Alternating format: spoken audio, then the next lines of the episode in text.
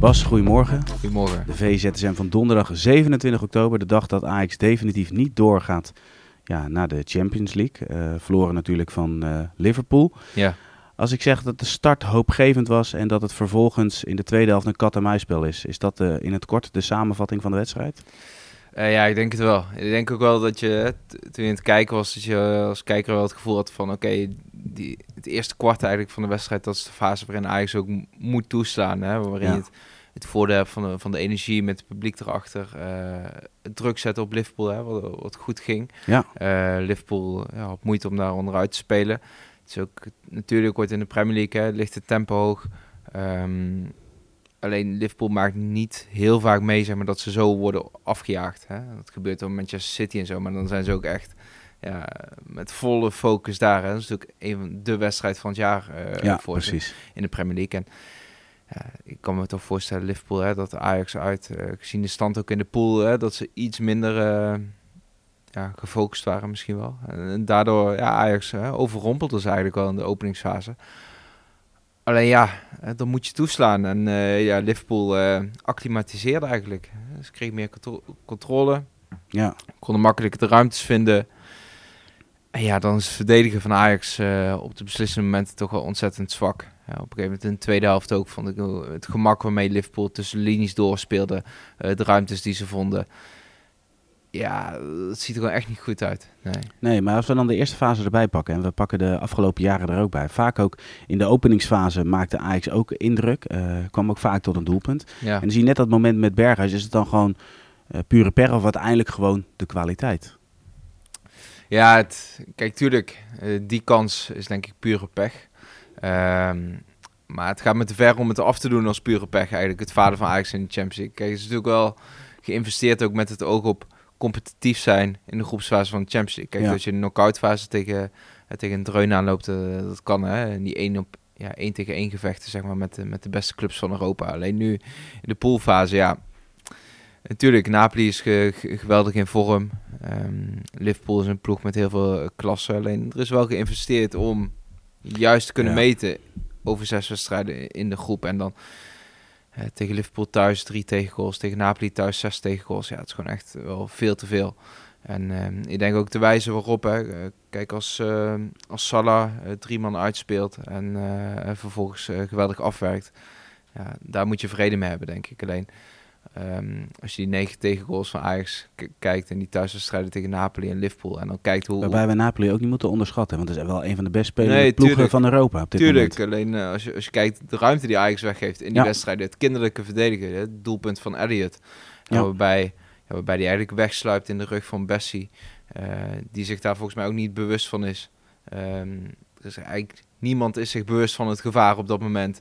Ehm, en ja, hij komt zo makkelijk eigenlijk eigenlijk voor het doel. Hè. En ehm, met Salah ook, natuurlijk bij het eerste doelpunt. Ja, kom op. Eh, een Premier League grootheid zo vrij laten staan in de as. Ja, Ja, dat is, ja, dat is werkelijk onvoorstelbaar. Bij Napoli, hè, dat ene doelpunt, dat, dat ze zo eigenlijk vanaf de middenlijn zo ehm, ja, alleen kunnen oversteken richting het Ajax-doel. Ja, dan kun je wel afvragen waar, ja, wat er allemaal misgaat. Dat, eh, dat kun je Ajax wel echt verwijten, vind ik. Ja, precies. Nou, laten we eens naar Barcelona gaan. Want als we het hebben over grote ruimtes weggeven. Ja, jij benoemt het net eigenlijk ook in jouw verhaal eh, met betrekking tot Ajax. Ja, datzelfde kunnen we zeggen van Barcelona. Ja, ik moet zeggen, de, ja, de conclusie is wel dat Barcelona gewoon nog niet ver genoeg is om aanvallend te spelen tegen dit Bayern. Maar, maar ook naïef toch? Ja, nou, ze hebben nu eh, sinds augustus 2020 hebben ze vijf keer gespeeld tegen Bayern. Iedere keer zijn ze met minstens twee goals verschil eh, eraf gegaan. Hè. Je had natuurlijk die 8-2 alleen. Eh, ja, die, die keren daarna was het niet heel veel minder pijnlijk. Ehm, nu ook, ze, ze proberen aanvallend te spelen, maar bij het eerste doelpunt zie je dat ook. Uh, Gnabry wordt ingespeeld, er is geen druk op de bal. Eh, Bayern heeft eigenlijk 40, 50 meter Ja. ruimte om eh, die en dan is wel arme. Beherin, hè? Ja, ja. Ja, dat kun je toch niet, dat kun je niet aandoen, toch? Nee, maar je kunt niet tegen de Bayern spelen met, met 40, 50 meter in je rug zonder druk op de bal. Dat is Nee. gewoon eh, kansloos. Eh, en dat zie je. En eh, ja, wat dat betreft is het wel eh, ja, een wake-up call. Hè? Barcelona weten we waar het staat, ondanks alle investeringen. Kijk, tuurlijk, er is veel kwaliteit eh voor in bijgekomen. Alleen voetballend is het team hè, qua patronen, qua manier van druk zetten, vastigheden daarin, het vertrouwen hebben ook. Ja, is die ploeg nog niet ver genoeg om, om zich te kunnen meten met Bayern. Of je moet je, je gaan ingraven en gaan gokken op de counter. Alleen dat zit dan weer niet in het DNA van de club. Dat maakt natuurlijk die... Ja, maar zelfs dan Bas, in de tweede helft zie je wel zo'n fase dat Barcelona heel ver terugzakt. Ja. Maar zelfs dan geven ze kansen en ruimtes weg. Ja, achterin is natuurlijk ook wel een probleem dat je met Marcos Alonso centraal moet gaan spelen. Die heeft als linksback eigenlijk al de grootste moeite om, uh, om te verdedigen. Dat zag je bij Chelsea, waar hij eigenlijk alleen uh, uit de verf kwam als er met drie centrale verdedigers werd gespeeld en hij een soort aanvallende Ja. vleugelverdediger was. Als hij een pure linksback was in een defensie met vier, dan had hij al de grootste moeite. En nu moet hij centraal eh, gaan spelen. Ehm, en Piqué en Eric Garcia op de bank. Eh, ja, het die defensie is gewoon echt niet goed genoeg om zo te spelen. Nee. En, eh, zelfs als de ruimte klein moet houden, ja, is het defensief niet, niet goed genoeg. Ja, en als we de landgenoten erbij pakken, wat voor indruk hebben die achtergelaten bij jou? Nou ja, ik moet zeggen, ik heb wel eh, vooral Ajax gekeken natuurlijk. Maar eh, het, is, eh, het is wel mooi om te zien dat Mascherwie eh, wel zijn kans, zijn kans krijgt Ja. van Nagelsman.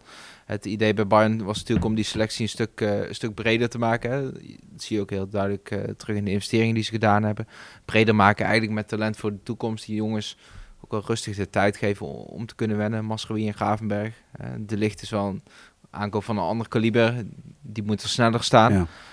Alleen, eh, ik denk dat Mascherwie in het begin misschien een paar reacties in Nederland ook van... Goh, hij, hij speelt weinig, hè. eh, lastig die strijd met Pavard. Ik denk dat het heel logisch is hoe die speeltijd eh, wordt opgebouwd nu. Dat je ook gewoon ziet dat hij in een ploeg als Bayern, aanvallend voetbal... Hè, waarin er ook gevraagd wordt van hem om, om onder de druk uit te spelen... wat hij natuurlijk van Ajax uit wel gewend is... Ja, dat hij daar gewoon heel goed past. Ja. Ehm, Ik dacht ook, hè, tijdens Ajax-Liverpool dacht ik aan, aan Timber. Hè, wat natuurlijk voor de Europese topclubs op dit moment wel de meest interessante speler is bij Ajax. Ja, dat Bayern is toch wel eh, de club eigenlijk, denk ik, waar die... eh, Ja, al gaf een, een journalist, Matthijs eh, Vechter, was in aanloop naar de wedstrijd tegen Liverpool, was hij bij de persconferentie. En daar sprak hij met een Engelse journalist en, en die gaf eigenlijk aan van ja, er is op dit moment geen enkele speler bij Ajax die echt, echt interessant is voor de Premier League. En de naam van Timber viel daarin wel, maar daarin werd ook wel gezegd van ja, die is er nog lang niet klaar voor. Ja, maar goed, een Engelse journalist, ja, die, die ziet natuurlijk ook niet wekelijks eh, de eredivisie. Ja, maar is misschien wel het beeld hoe er naar de Eredivisie gekeken wordt. Nou ja, het is natuurlijk wel zo dat met eh, de- veel van de aankopen de laatste jaren, ehm, met eh, Donny van der Beek, Ziyech, Bergwijn, Klaassen daarvoor al, dat die niet uit verf zijn gekomen. Alleen dat is wel Maar Martinez eh, is nu weer een heel ander Ja, verhaal. daarom. Het zijn andere type spelers. Hè. Eh, dit zijn eigenlijk de spelers die ik net noemde. Zijn Ja. spelers die aanvallend ook wel het verschil moeten maken. En ja, daarin komen ze wel klasse tekort in de, in de Premier League. Ehm, maar defensief is het denk ik wel anders. Juist omdat er in de Eredivisie wel anders verdedigd wordt. Hè, met heel veel durf, met ruimte in de rug. Voetballend wordt er veel van ze gevraagd. In de Premier League is het natuurlijk wel zo dat... ja, bijvoorbeeld bij Liverpool, hè, die uitwedstrijd tegen Fulham begin dit jaar... dat eh, je kunt daar plotseling in je eigen 16 meter gebied in een kopduel belanden met Mitrovic. Eh, daarin heeft Timber natuurlijk wel echt het nadeel Ja. ehm, van zijn lengte. hoe goed zijn eh, sprongkracht ook is. Ik denk dat dat bij, ehm, bij een Bayern eh, toch wel anders is. Omdat Bayern nog dominanter is in de eigen competitie. En ja, daar speel je echt 95% van de tijd hè, ver van je eigen doel. Ja. Waardoor je als je een kopduel verliest dat het ja, geen ramp is. Want die bal wordt dan hooguit doorgekopt in plaats van op doel gekopt. ja, en ze hebben daar een keeper die heel ver uit zijn doel staat, dus dat scheelt ook altijd. Ja, daarom. Dus daarom denk ik eigenlijk dat Bayern eh, voor hem dan wel weer een goede vervolgstap zou zijn. En nog afgezien van de bezetting eh, bij Bayern achterin. Ja, precies. Maar we hadden het over Barcelona. Ik wil eigenlijk de, de slotconclusie. eh, Barcelona is op dit moment niet meer dan eh Europa League materiaal. Eens of oneens? Oneens, ja. Ik vind die conclusie ook gezegd, eh dat soort conclusies vaak wel te makkelijk. Omdat het heel veel eh, ook met de pool te maken heeft. En we hebben natuurlijk, eh, als je bijvoorbeeld die groep kijkt waarin Club Brugge zich na vier wedstrijden al heeft gekwalificeerd voor de knock-out fase. Ja. En ik denk als je Barcelona in die pool had gezet, dan waren ze natuurlijk veel competitiever geweest. Dus een lastige pool. Nou, Bayern is gewoon een maatje te groot voor ze. Inter ja, is een ploeg met veel meer vastigheden de laatste jaren. En natuurlijk eerst onder Conte al opgebouwd. Inzaghi is eigenlijk wel op dezelfde weg verder gegaan. Heeft een paar accenten eh, veranderd. Alleen Ja. Die speelwijze is gewoon heel duidelijk. Een ervaren spelersgroep. Ja, Barcelona ja, heeft veel minder vastigheden. En dat, dat zie je natuurlijk eh, aan het licht komen wel in die, in die topwedstrijden. In de Champions League, eh, in de Classico laatst. Alleen ja, er zijn ook wel pools in de Champions League... waar ik denk van oké, als je Barcelona daarin zet... dan waar ze gewoon doorgaan. Oké, Oké, duidelijk verhaal Bas. Uh, tot slot, uh, Champions League avond gaan we afsluiten met Tottenham. Maar eigenlijk met Antonio Conte. Ja. Want uh, waar wij misschien na, zo'n, na het zien van de samenvatting of een hele wedstrijd... het misschien over een aantal doelpunten hebben. Bijvoorbeeld Edwards, die we nog natuurlijk kennen vanuit de Eredivisie. Had Conte het vooral over Danny Makkely. Wat vind jij daarvan? Nou, ik snap het wel om eerlijk te zijn. Nou, Ajax was natuurlijk afgelopen... Um, een beetje seppen. Belanden, bij, belanden in de Maar jij, jij snapt de frustratie van Conte? Ja, jij niet? Nou, de beelden wijzen eruit dat het uh, buitenspel is. Ja, weet ik niet, om eerlijk te zijn. Ik bij, uh, bij het zien van die beelden met die streepjes uh, twijfelde ik nog. Ja, het is natuurlijk ook een beetje de vraag van waar trek je die streep? Het is zo'n prikkelwerk. Ja, die bal wordt... Op de lijn waarop die moet staan, hè, daar, daar moet je die streep zetten. Dus, dus waar staan die twee spelers? Dat is vaak zo, de verdediger en de aanvaller. Ja, en wanneer de bal gespeeld wordt, en dan zie je het toch? Ik moet eerlijk zeggen, ja, het klinkt misschien gekker, want het is natuurlijk Champions League en het hoogste niveau. Maar als je die lijnen ziet, het lijkt toch een beetje een soort, soort knutselwerk van... Uh, nou, ik heb geen kinderen nog. Jij wel. Maar ja, het lijkt toch een beetje uit de lucht gegrepen ooit. En het is... ja, er is een soort van waanzin ontstaan, zeg maar, om alle... Um, uh, om alles maar feitelijk te maken in het voetbal. Om uh, iedere arbitrale beslissing uh, maar feitelijk te maken. lijntjes trekken. Cruciale beslissingen zijn toch goed daarvoor? Zeker, alleen je moet ook accepteren dat het dan nog, zeg maar, niet per se 100% feitelijk is. Omdat, ja, waar trek je de lijn? hier ook, als je het moment terugkijkt met hoe die lijnen zijn getrekt. Ja, ik moet eerlijk zeggen, ik vond dat best wel vaag. Want bij die bal had je hem wel, Emerson kopt hem eigenlijk terug op Kane die bal had je de lijn wel echt net wat anders kunnen trekken hoor. Nou, maar uiteindelijk is het gewoon het moment, de lijn. En dan kijken of, of er een elleboog of wat dan ook daarnaast staat. En, nou, volgens, mij, volgens mij was het wel duidelijk te zien. Kijk, ik vind wel bij de... duidelijk te zien? Serieus, bij de herhaling? Nog? Met die eh, lijntjes?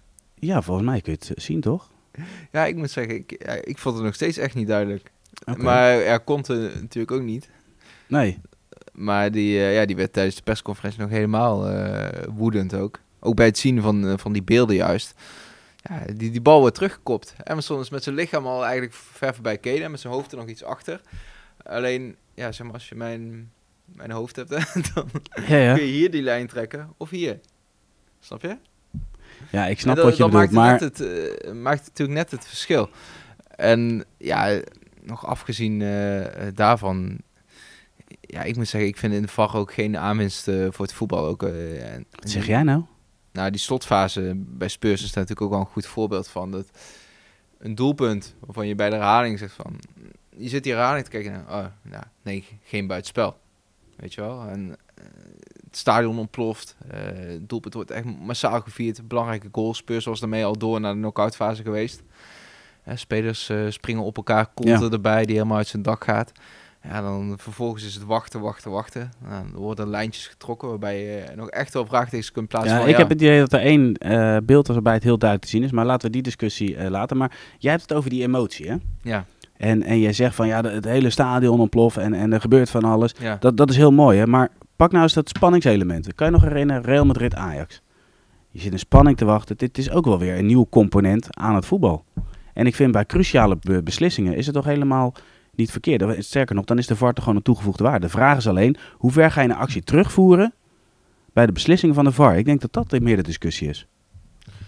Maar goed, ik ben, ik ben hier de oude redacteur, jij bent de jonge redacteur. ik, had, ik had verwacht dat het andersom zou zijn, dat ik voor de nostalgie zou gaan en jij voor de techniek. Maar nou, we zitten niet helemaal op één lijn dus. Zo, verschillen we niet hoor, in leeftijd. Nee, maar... Uh... Dat zie je niet inderdaad. Nee, nee. dat zie je zeker niet. Um, nee, ik ben het wel met je eens. Hè. Hoe, hoe ver moet je terugdraaien? Nou, dat vind ik sowieso heel irritant. Als er heel ver terug, uh, teruggespoeld wordt. Um, maar uh, Real Madrid Ajax, ik denk, zeg maar, je bedoelt denk ik die bal die over de zijlijn was. Ja, met Masraoui toen. Ja, kijk, dat is natuurlijk... In die situatie vond ik het wel zwart-wit. Omdat er staat een camera recht op die zijlijn. En ja, daarmee kon je het zien met het terugkijken. En dan is het ook bevredigend. Want je, ziet 100% van, oké, deze bal hè, was er niet over in, in dat geval. Maar hier, ja, eigenlijk in het stadion blijft iedereen nog in verwarring achter. Uh, ik denk, uh, mensen krijgen de beelden op hun telefoon binnen. Nou, dan is er alsnog discussie van, ja, uh, nou, het lijkt mij eigenlijk alsnog geen buitenspel. TV-kijkers, ja, ja, ik durf niet met 100% zeker te zeggen dat het buitenspel was. In sommige situaties moet je ook gewoon accepteren dat je niet met 100% zekerheid het antwoord krijgt. En hm. nu wordt eigenlijk wel een soort van die waan wordt of die suggestie wordt gewekt. Omdat we heel lang terugkijken en dan lijntjes. En dan, oh ja, feitelijk, het is bij het spel. Nou ja, ik had daar mijn twijfels bij. Oké, dus jij zegt eigenlijk dat ze bij de UEFA niet meer met paint moeten werken, maar dat ze in ieder geval weer even fatsoenlijke lijnen moeten trekken. Ja, ik weet niet. Ik, uh, ja, ik vond het, uh, ik vond het maar vaag. Oké. Ja. Uh, Bas, we sluiten af met de rubriek meest gelezen op vi.nl. Ja. En dan is er een bericht van 18-jarige Stewart, die nou ja, een, een tête-et-tête heeft met Osimhen, de held van Napoli. Hij is in dienst van Roma. Ja. Hij denkt, nou, so far so good. Hij komt hem tegen, ze hebben een gesprek, er is een foto. En ineens is hij zijn baan kwijt. Ja, nou ja, ik moet zeggen... Want de hoofdsteward pakte zijn badge af en die accepteerde dat niet. Ja, die, die zag uh, die jongen blijkbaar een, uh, een foto maken hè, met de matchwinner. De, de held van de tegenstander die, ja. uh, die Roma pijn had gedaan. Ja, ik moet zeggen, dat is ook wel een irritatie, vind ik, hoor, in de voetbalwereld. Lijkt nu een beetje Jan, Mul Jan Mulder had zo'n rubriek hè, bij de Wereldrijd door met zijn ergernis. Ja, ja, die, ik, wil niet, ik, wil niet, gefrustreerd overkomen, maar dat vind ik sowieso wel irritant. Gewoon in die voetbalwereld een beetje het doorslaan in van eigenlijk de tegenstander haat of uh, afkeer richting de tegenstander. Uh, omdat dat dan professioneel zou zijn, weet je wel. Je, je hebt ook altijd dat verhaal met dat de uh, spelers mogen geen foto maken in het stadion van de tegenstander, want het zijn geen toeristen, ze komen daar om te winnen. een beetje dat idee. Ja. En dat zit hier natuurlijk ook achter een, een, hoofdbeveiliging die dan zegt van we gaan niet op de foto met, met spelers van de tegenstander. Ik denk juist ook dat we in het voetbal wel moeten blijven koesteren, dat je ook dat jongensachtige. Gewoon dat je. Dat je ja, maar bizar is dat het juist vanuit de beveiliging komt. Die, die moeten juist zorgen dat de, dat de sfeer goed is, dat alles in goede banen geleid uh, wordt. Laat maar zeggen dat het in goede harmonie dat je naar een voetbalwedstrijd kan kijken. Dat bij uitstek ook die uh, werkgroep, laat maar zeggen. Dus daar, nou ja, goed, in, deze, in dit geval dus de, deze hoofdsteward. Dat hij daarop aanstuurt. Ja, maar ik moet zeggen, ja, is dat niet gewoon in de maatschappij zo? Jij zegt de sfeer goed houden. Nou, ik denk ook dat dat uh, een van de belangrijkste taken is van een beveiliger. Alleen tegenwoordig is het natuurlijk wel zo dat... Maar neem nou eens voor, als wij met uh, Valentijn Driessen, de hoofdredacteur van Telegraaf, hebben we dan een probleem met Pieter Zwart? nee. Nee, toch? Nee.